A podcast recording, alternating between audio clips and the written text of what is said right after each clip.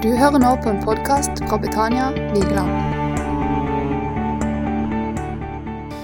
Jeg skal avslutte det jeg snakka med, eller vi går videre fra det vi snakka om. Den vanskelige musikken. Og det er som regel ikke et ferdigsnakka tema etter 20 minutter. Men jeg håper eh, og tror på å skape møteplasser og arenaer for å snakke mer om dette. For jeg tror ikke Kirkekaffen er den eneste og beste arenaen for å evaluere lovsang eller eh, ja, for de umiddelbare responsene. Så det å ha samlinger, og spesielt der hvor alle generasjonene er i samme rom, tror jeg er viktig på noe som skaper såpass mye friksjon som musikk.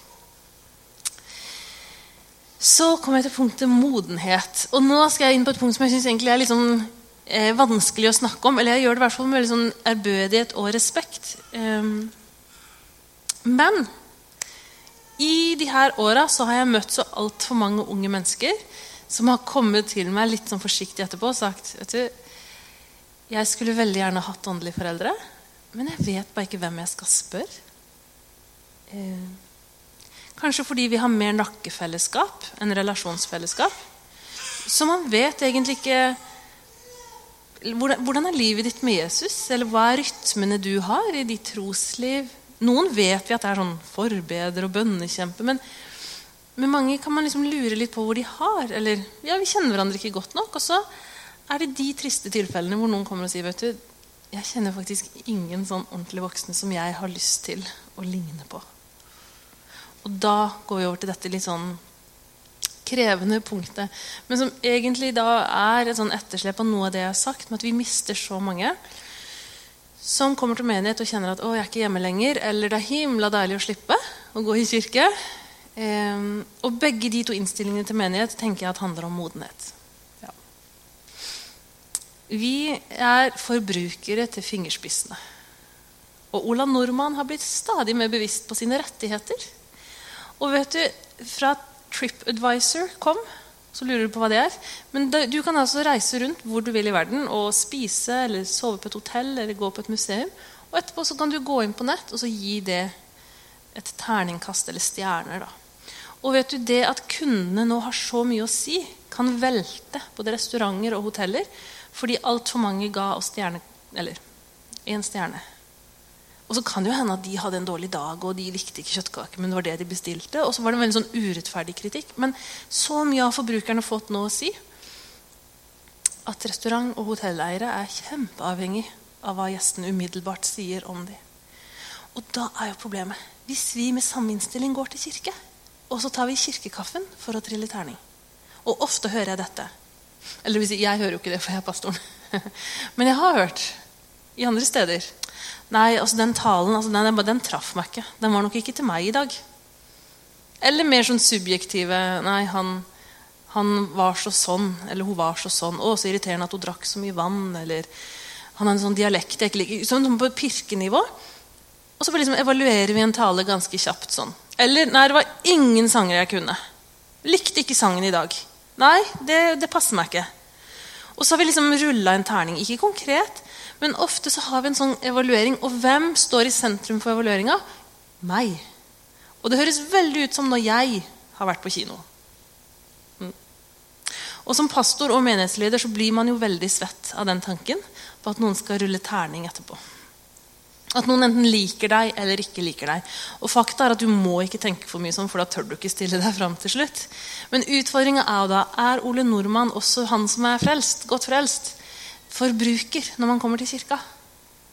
For hvis det bare handler om meg, hvis gudstjenesten, hvis talen, hvis lovsangen skal treffe meg, og hvis ikke så er det per definisjon ikke bra, så tror jeg vi må begynne å snakke om modenhet.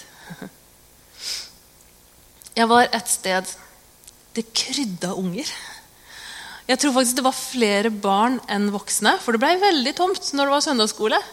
Etterpå så sa de at det var nesten 100 barn på søndagsskolen. Løven var kommet fram, og masse styr og ståk. Og kjempebra for ungene. Og så var det mye fin lovsang. og Det meste var på norsk, faktisk. Men eh, også en del sanger som jeg ikke kunne. En del nytt. Som var skrevet lokalt, blant annet. Og så Samme kveld så skulle jeg ha dette seminaret, og da var det de grå hår som stilte opp. Kjempefint. Jeg elsker å få lov til å møte den aldersgruppa, for de har så mye å lære av de. Og så var jeg liksom litt spent på den gjengen som var på gudstjenesten. kommer på seminar på kvelden, Så snakka vi om noe av dette. Så sa jeg ja, hvordan opplevde dere gudstjenesten i dag? Og da kommer det fra meg. Og jeg syns det var så bra. Jeg kunne ikke en eneste sang, men jeg satt bare og takka Gud for alle de barna. Og for at nå har disse sin tid med Gud. Jeg kan nevne de fem toppsangene mine fra min liksom, omvendelsestid. Eller altså, spill trekkspill for meg, så blir jeg litt salig. Fordi det, det, handler om så mye at følelser og minner og musikk er knytta sammen. Og så klarer hun i sin modenhet å si jeg kunne ikke én sang på gudstjenesten i dag med glad stemme. Fordi hun gleda seg over barna og, og, over de som på en måte nå lager sin Fem på topp-liste. Mm. Og de hadde også en helt sånn, litt sånn unik tilnærming til at det var blitt så utrolig mange småbarnsfamilier. Dette var den gjengen som hadde vært med å liksom bygge og dra over et nytt bygg og liksom stått veldig på. Og kunne kanskje liksom tenkt eh, kynisk sagt dette bygget har vi både bygga og betalt for, så nå burde vi få litt tilbake. Og så fylles bare menigheten med småbarnsfamilier. Og så sier de men det er jo så mange. Vet du hva jeg har gjort? sa jeg. Jeg har valgt liksom to familier. Og de ser jeg til hver søndag. Og så har jeg lært meg navnet på barna deres. Og så har jeg spurt om jeg kan sitte barnevakt litt. Dette var i Oslo, så barnevakt er jo et sånn himmelsendt gode når du ikke har besteforeldre der. Så kunne du enten se det er altfor mange barn her. Eller så velger hun seg to. Og så ser hun de på en spesiell måte. Og så tenker jeg at Det er litt av grunnen til at den menigheten vokser. Når man er eldre som gjør noe så enkelt som å rugge vogn du aner ikke hvordan man en viss, I en viss livsfase så rugger man til og med på handlevogna på Rema 1000. For det bare ligger igjen. Um, og Vi er jo i en situasjon hvor ofte en av oss ikke får med seg gudstjenesten. Og i vårt tilfelle er det alltid mannen min. Men tenk da om noen sa jeg kjenner jo Kristoffer Malin godt nå. Skal jeg ta dem med på søndagsskolen? Forrige, forrige, gang så hadde jeg søndagsskolen, da, og da skulle pappa på voksenmøte. Til og med ungene var glade på hans vegne. Fordi sånn er det ofte. at Vi må dele oss. Men kanskje er det nettopp vi som trenger å høre et helt møte. Kanskje er det nettopp de som sto opp klokka seks i dag morgen, som har veldig godt av å sitte stille i halvannen time. Og så er det noen øyne som ser, noen som tenker 'jeg kan rugge vogn'. Eller 'jeg kan bli kjent med akkurat dine barn, sånn at jeg kan følge dem på søndagsskole' det besteforeldrehjertet tenker jeg, eh, er det som gjør at en menighet vokser, også når det er masse småbarnsfamilier der. Paulus sier det veldig tydelig i Kolossebrevet. Det er han vi forkynner, og vi rettleder og underviser alle mennesker i den fulle visdom for å føre hvert menneske fram til modenhet i Kristus. I Jobbs bok så står det at visdommen ikke kommer med åra. Det er ikke bare de grå hår som har visdom. Gud skjenker visdom som også en nådegave. Og det er ikke alltid visdommen kommer med åra. Heldigvis veldig ofte. Derfor min fascinasjon og begeistring for de eldste iblant oss. Men Paulus sitt mål eh, om å rettlede til full modenhet i Kristus det krever litt arbeid, og det er noen prosesser og av og til utfordringer for å nå den modenheten. Og jeg tenker at I møte med vår sånn forbrukerkultur så må flere utfordres på hvem snakker nå. Er det forbrukeren Kjell, eller er det i Kristus Kjell? For de to tingene er ganske forskjellige hvis vi skal se på Guds rike og på menighet. Linda Haukeland, som er bl.a. redaktør i Jesuskvinner, hun har sagt at å bygge menighet kan bare gjøres med én motivasjon. Tada! Nemlig å bygge noe for neste generasjon. Og Det høres fint ut på papiret, og så er det fryktelig utfordrende. For når det er meg som ikke er i målgruppa lenger, når det ikke er mine barn som er de viktigste, når det er jeg som føler at jeg blir litt fremmed, da utfordrer det min modenhet. Kan jeg sette noen andre før meg selv, også i det som er så nært og kjært, som f.eks. lovsang og forkynnelse? Jesus bruker et annet eh, bilde. Han bruker lignelsen om såmannen. Om sår ut, sår raust. Og så lander det jo forskjellig. Og det kan jo også egentlig brukes som et bilde på kirkekaffen. Det lander jammen meg litt forskjellig. Men han tar bl.a. det som faller blant tornebuskene. Hør på dette. Det er de som nok hører ordet, men som på veien gjennom livet kveles av bekymringer, rikdom og nytelser, så de ikke bærer fullmoden frukt. Ingen av oss er veldig keen på bekymringer. Vi har dem, men vi vet at vi skulle kaste dem på Herren. Stole på Han. Vi kan både få forkynnelse og undervisning og oppmuntring for, eh, for å ikke bekymre oss. Jeg hører mindre liksom, advarsel mot rikdom og nytelser. For fakta det er vi litt keen på, hele gjengen. Hvis jeg kan ha det litt mer komfortabelt, så gjør jeg det litt mer komfortabelt. Når tenåringer i dag har lyst til å bli som mamma og pappa, så handler det også om den materielle levestandarden de ser foreldrene ha. Rikdom er et uttalt mål, spesielt i vårt land. Og nytelse er et sånn allmenn opplest og vedtatt sannhet at det forsøker vi å oppnå. Mm. Og jeg tror vi er, vi er glad i å kose oss. Vi gjør mye for å skulle kose oss. Og jeg tenker I seg selv så er det jo ikke noe jeg hører mye advarsel mot. Men det er klart det er akkurat den liksom, kampen jeg sto i når jeg holdt på å gi meg i ungfila. det ungdomsarbeidet på fredagskveldene. Det er mye deiligere å nyte gullrekka og taco hjemme i sofaen på en fredag. Og så det å velge vekk den nytelsen til fordel for noe, det kan også være fremmed for noen. Fordi vi blir jo ikke advart mot nytelsen. Og kanskje går det så langt inn i den private sfære at vi ikke lenger på en måte eh, adresserer det til hverandre. Men her sier Jesus at hvis du blir for bekymra, og hvis du blir for opptatt av rikdom og for keen på det her med nytelse, så kommer du ikke til å bære fullmoden frukt. Og hva er det vi ser iblant en generasjon da som på en måte så enkelt eh, tar en pause fra menighet eller blir borte fra menighet? Jeg tenker jo også at det handler om modenhet. Og det triste er jo at vi setter et eksempel. Jeg og Stein Erik, min mann, har snakka om det. At hva skal til for at ikke vi også drar på hytta når det ikke er våre barn vi må følge til kirka?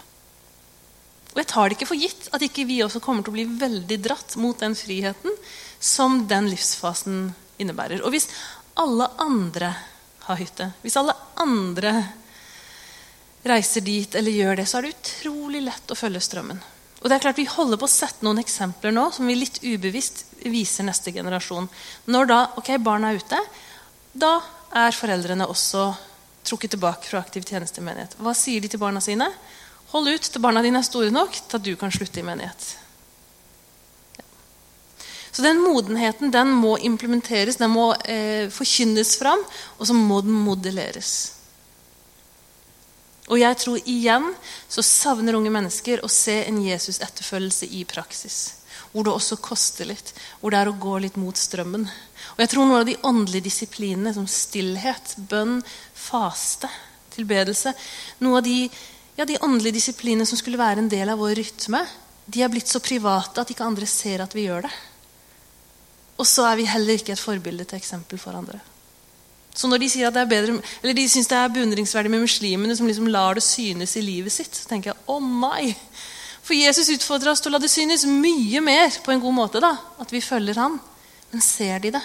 Ser de at vi kristne prioriterer økonomi, tid og er annerledes i forhold til skjermbruk? For det tror jeg de lengter etter å se for å kunne bli annerledes. Og så er det arv. Vet du at Ola Nordmann etterlater seg stadig mindre i arv? Ja. Før så var det kanskje noen som gikk og venta på arven. Men nå er ikke det en selvsagt eh, ting at man får mye i arv. Og det henger sammen både med at de unge har fått det bedre materielt sett. Mange har god økonomi i ung alder. I tillegg så er de eldres boutgifter økende. Mange må da selge hus og så inn i en leilighet som faktisk er dyrere enn huset de bodde i i alle år. Så mange må også bruke økonomien annerledes de siste åra. Og i tillegg så er den der når jeg blir 66, da gjør jeg som jeg vil, den er så definitivt gjeldende. Og I et intervju husker jeg, når denne saken eller forskningsrapporten ble presentert, så sa det var fire-fem eldre som ble intervjua på gata. Og de var liksom ingen skam i å si pengene mine det skal vel jeg bruke på meg sjæl. Det er jeg som har tjent dem. Hvorfor skal ungene mine få det gratis? Nei, skal, jeg skal reise. Jeg skal nyte rikdom og nytelse. Det var en veldig sånn Nei, men det er mitt. Og så er jo heller ikke sånn behovet så innmari stort kanskje, hos neste generasjon. Men kanskje en sånn der her og nå-innstilling. Og da lurer jeg på om vi ser parallellen til Guds rike. Her og nå og meg i sentrum. De fleste er mest opptatt av å bruke tida si, pengene sine og erfaringene sine på seg sjøl. Så sier allikevel ordspråkene at den gode etterlater arv til barnebarna. Mm. Husker dere hvor viktig besteforeldre er?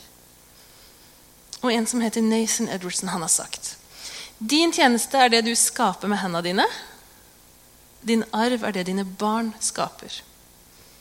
Din tjeneste er deg, det du utfører, det du står i, i din livstid. Men din arv, det er det du etterlater deg, det som skal gå videre når du ikke lenger er her, det er det dine barn og dine barnebarn skal skape. Og da blir jo sitatet av Linda Haukeland sant på en ny måte for meg. At å bygge menighet kan bare gjøres med én motivasjon, nemlig å etablere noe for neste generasjon. Jeg har i dag lyst til å leve et liv som har ringvirkning for neste generasjon. Ikke bare at jeg fikk det bedre, og jeg fikk det så bra. og I min tid fikk vi liksom sånn at jeg hadde det bra. Men hvordan er jeg med å gjøre det lettere for neste generasjon å være kristen?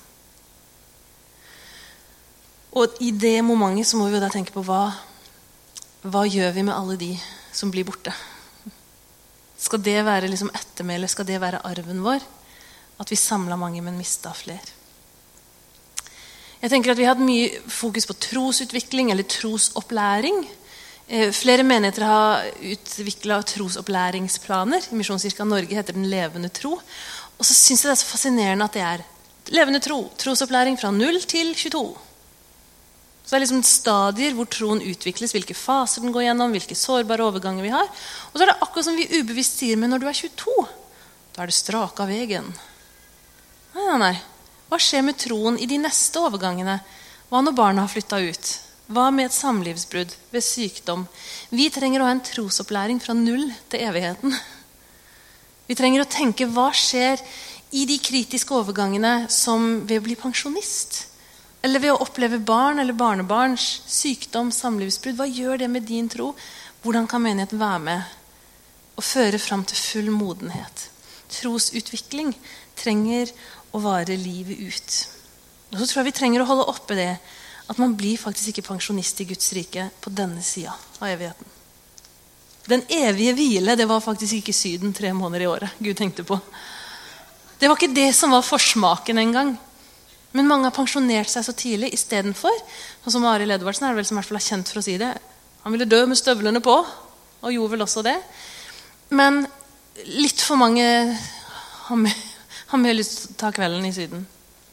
I hvilen. I den, som den liksom avslapninga og um, si, abdiseringa som har skjedd. Ja, men nå er jeg for gammel. Nei, men nå må jeg få slippe. Og så tror jeg at I hver fase så har Gud noen har lyst til å gjøre i og gjennom deg. Og Gud kalte Moses da han var 80. Han har flere eksempler på at han kalte mennesker i høy alder, og så ble det deres beste tid. Og da kommer det sitatet igjen, da, som kan være ganske strengt. Og det er heldigvis sagt av en som er i 50-åra. Han heter Steve, og jeg intervjua han i boka mi. Og han spør seg Han sier mange i 50 pluss-generasjonen har endelig fått barna ut av huset. Og så bruker de tida på oppussing og reising. Jeg får lyst til å spørre dem har dere brukt så mange år på å bygge kompetanse? Og så skal dere kaste det bort. En ting er menneskelig sett, men i menighetsperspektiv spør jeg meg hva har vi lært hverandre? Setter også vi kristne egne behov først?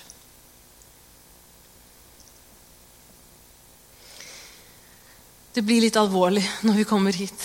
Og jeg tror det kan være lett å peke finger. Og da vil jeg bare si igjen, som jeg og Stein Erik har måttet prate om, den pekefingeren kan fort vendes tilbake til oss sjøl, fordi vi i dag bestemmer oss for hvem vi vil bli.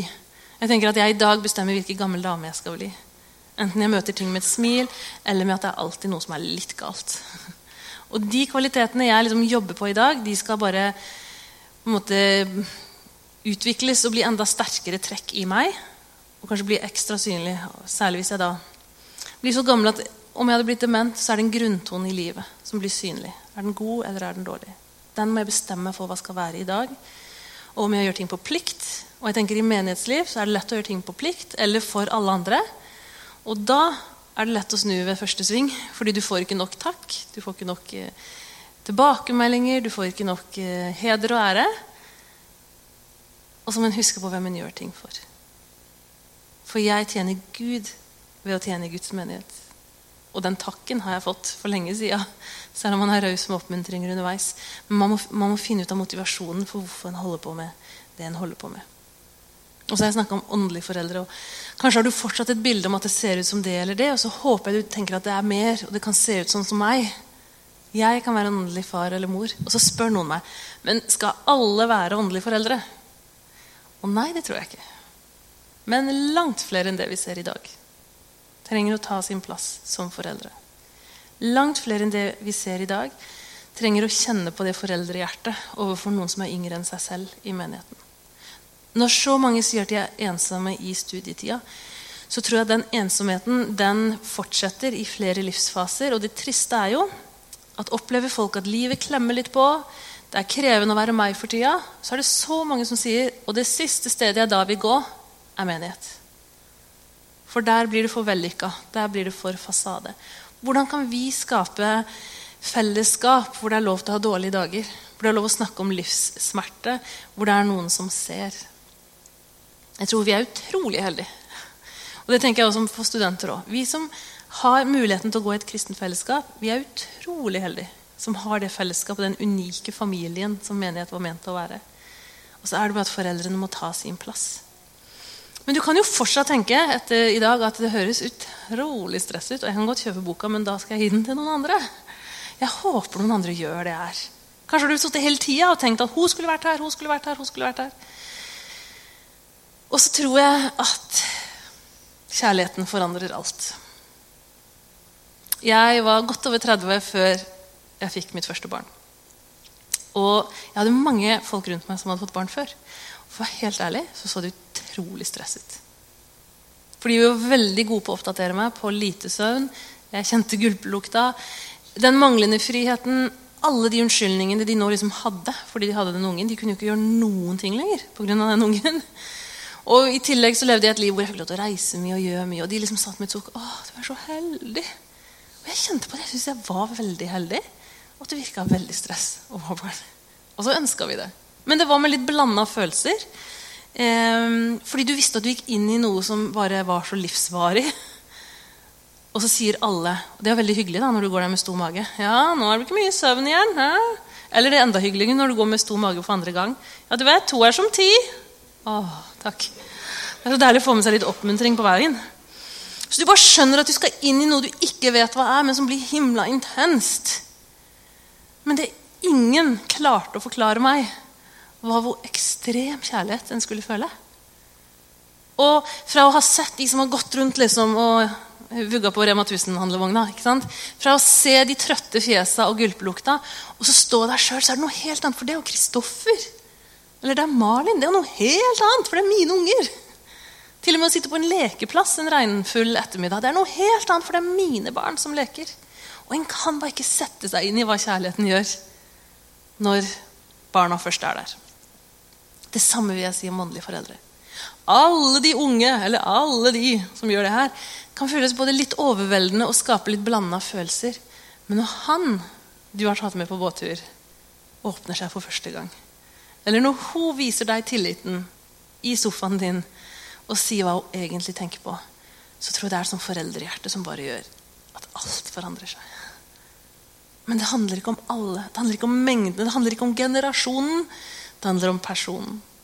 Og da må vi møtes. Da må vi ha noe mer enn nakkefellesskap. Og det er lett å gå oppildna, inspirert og liksom tenke ja, men alt det her mener jeg. Alt det her var bra. Og så er utfordringen hvordan ser det ut. Og da er jeg så glad for. At det liksom, da er ikke jeg sånn der, ja, det er bare boka, og Les boka, så kommer du til å få det du skal. Men jeg håper både den og det jeg har sagt i dag, har blitt innånda hvert fall noe av det av Den hellige ånd. Og du har Den hellige ånd. Og Den hellige ånd er kreativ. Og hvis du lytter, og hvis du ber, så tror jeg han vil vise deg hvem du kan være noe for. Så vil det kanskje hende at det liksom oppstår veldig sånn praktisk. eller sånn, men Det vet jeg ikke om Gud sa. Jeg bare tok litt tak i den vogna. Tok et, liksom, jeg tok et initiativ overfor den familien, og så blei det sånn. Så kan det være like mye Hellig om det. Men så kan det også være at Den hellige ånd viser deg noen du ikke hadde tenkt på. Eller som det ikke var naturlig at du hadde en relasjon til. Og Selv om jeg ikke har sagt mye om det nå, så tenker jeg vi har i landet vårt veldig mange nye nordmenn som kommer fra mye mer familiære strukturer. De er vant til å være en del av en storfamilie. Og Derfor er det ekstra krevende å komme til Norge hvor alle spiser søndagsmiddag for seg sjøl. Og når de til og med kommer i menighetene våre, så får de en ussel kirkekaffe som fellesskap, mens de har lyst på liv, delt liv. Så tenker jeg at nettopp foreldrehjerte og familierelasjon rundt våre nye landsmenn det tror jeg kan være med og bevare mange hos Jesus, men også lede mange til Jesus. Jeg tror at åndelig foreldreskap kan lede mennesker til Jesus. Så hvis det er en nabofamilie, hvis det er noen som ja, per nå ikke kjenner Jesus, men som du har en kobling til, og vit at det er så naturlig og så enkelt og menneskelig som dere har god kjemi. Dere prater greit sammen, og det oppstår en tillit. Og Da må jeg samtidig si at det er ikke alltid det skjer. Det ligger så til rette for at du og han skal kunne ha en god prat, og så bare er det noe som gjør at det skurrer, og han åpner seg ikke, og du kjenner ikke at du har lyst til å treffe han, og det bare går ikke. Da må man avslutte, og så må vi gå videre. Og så er det viktig at relasjonen blir sunn, at ikke den yngre blir avhengig av deg. Det er viktig med gode grenser mellom kjønna. Ja, det sier jeg mer om også. Må liksom, det må være i det åpne rom. Og så tror jeg det av og til kan starte veldig praktisk og av og til veldig sånn opplevelse av himmelsendt og gudegitt. Hun her hadde vært i babyshower på babyshower, men det var aldri hennes.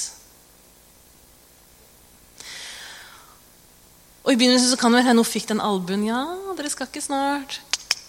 Men til slutt så slutta de å spøke òg. Og det var kanskje verre. For da viste det seg at de var gitt opp. Og på den tida så var det veldig krise for en dame å ikke få barn.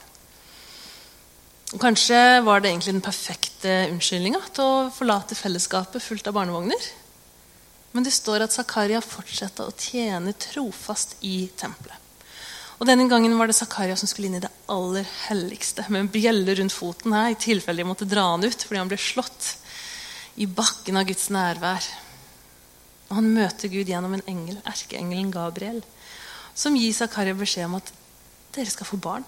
Og Dere skal ikke få hvilket som helst barn, dere skal få en sønn. Og det er ikke hvilket som helst sønn. Du skal kalle han Johannes. Og Det er noen løfter Gud gir når det gjelder hvem Johannes, døperen Johannes skal være. Bl.a. at han skal oppfylle det aller siste verset som står i Malaki 4,6. At Johannes skal være med å vende fedrenes hjerter til barna. Og barnas hjerte til fedrene. Zakaria må ha hatt litt sånn innvendinger, for det ender jo med at han blir stum. Men det hindrer ikke Gud i å utføre sin plan. Og Elisabeth blir med barn. Altfor seint, sannsynligvis. Alle andre var ferdig med barn, begynt på barnebarn. Da går hun og lurer på hvordan skal jeg håndtere det altfor seine bønnesvaret mitt. Og så står det at hun holder seg for seg selv de tre første månedene. Og så drar engelen videre til ei ung tenåringsjente, og hun burde ikke bli gravid. For hun var bare forlova. Og så får hun vite det allikevel. Du skal bli med barn. Og ikke hvilket som helst barn, men en sønn. Og dette er ikke hvilket som helst sønn, det er min sønn. Det er Guds sønn, sier Gud gjennom engelen. Og da elsker jeg Guds omsorg i at han forteller den unge tenåringsjenta at din slektning Elisabeth er også med barn. Det visste ikke Maria. Og så kunne hun få ei som har gått litt lenger enn hun, som kunne være med å guide henne på veien. Ikke på liksom bleieskift og barneoppdragelse, for Elisabeth hadde heller aldri gjort det. Hun var ikke liksom på plass i morsrollen, men hun var litt lenger på vei. Og da står det naturlig nok at Maria ganske kjapt drar til Elisabeth, til der hun bor. Og så står det at når hun går inn til Elisabeth, hilser på henne, hallais, så beveger barnet seg i Elisabeths liv. Og så blir Elisabeth fylt av Den hellige ånd. Så sier hun med høy stemme Velsignet er du blant kvinner, og velsignet er ditt livs frukt. Hvordan kan det gå til at min Herres mor kommer til meg? For da lyden av din hilsen nådde mitt øre, så hoppa barnet i meg av fryd. Og salig er hun som trodde at det Herren hadde sagt henne, skulle gå i oppfyllelse. Vet du, Her er det en ung kvinne med behov for veiledning, trøst og jeg tenker en stor dose Den hellige ånd.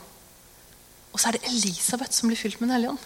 Så er det Elisabeth som liksom utbryter en lovprisning og sier Wow, det hopper i meg av fryd. Og så tenker jeg at Kanskje er det nettopp du som blir oppsøkt, som tenker at jeg er jo ikke på plass. Jeg vet ikke alt. Det er mange drømmer jeg tenker at det er altfor seint for.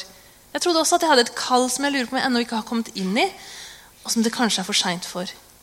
Kanskje er det du som skal oppleve at når den unge, den yngre, kommer til deg, så er det du som blir fylt av Den hellige ånd. Og så er det dine drømmer det blir liv i.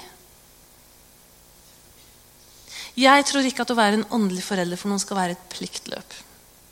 Dette er ikke noe du burde gjøre noe med. Jeg tror det skal være drevet av kjærlighet, og så tror jeg at begge parter skal bli like velsigna av det. Men det er, kan være en krevende vei. Det kommer til å ta tid. En relasjon krever tid for å inngi tillit. Og så tror jeg at mange også må øve seg skikkelig på at i en sånn relasjon så er det den unge som skal få lov til å dele hjertet, å være sårbar, og som trenger å bli lytta til. Og For noen av oss kan det være vanskelig å lytte mer enn vi snakker. Men vi trenger å se det her skje. Og jeg vet som menighetsleder hvor mange ting som vi trenger å se skje.